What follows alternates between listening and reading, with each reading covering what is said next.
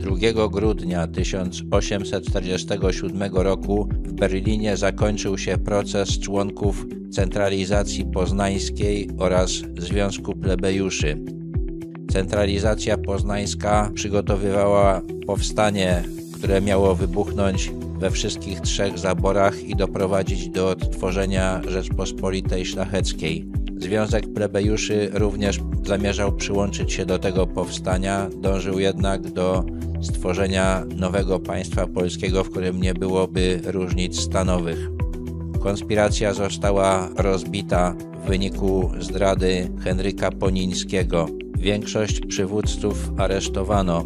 Pozostałym na wolności spiskowcom udało się jedynie opanować wieś Górczyn i podjąć nieudaną próbę ataku na Cytadelę Poznańską w celu odbicia więzionych tam kolegów, która skończyła się potyczką na moście Chwaliszewskim. W zaborze rosyjskim nie doszło do żadnych incydentów. Władze austriackie pozwoliły spiskowcom na wywołanie powstania, co dało im pretekst do likwidacji autonomicznej Rzeczpospolitej Krakowskiej i podburzenia chłopów przeciwko szlachcie, co skończyło się tak zwaną rzezią galicyjską.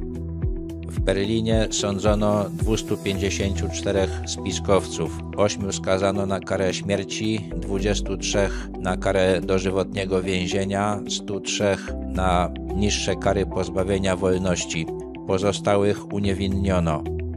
Ostatecznie żaden ze skazanych nie został stracony, a wkrótce wszyscy odzyskali wolność.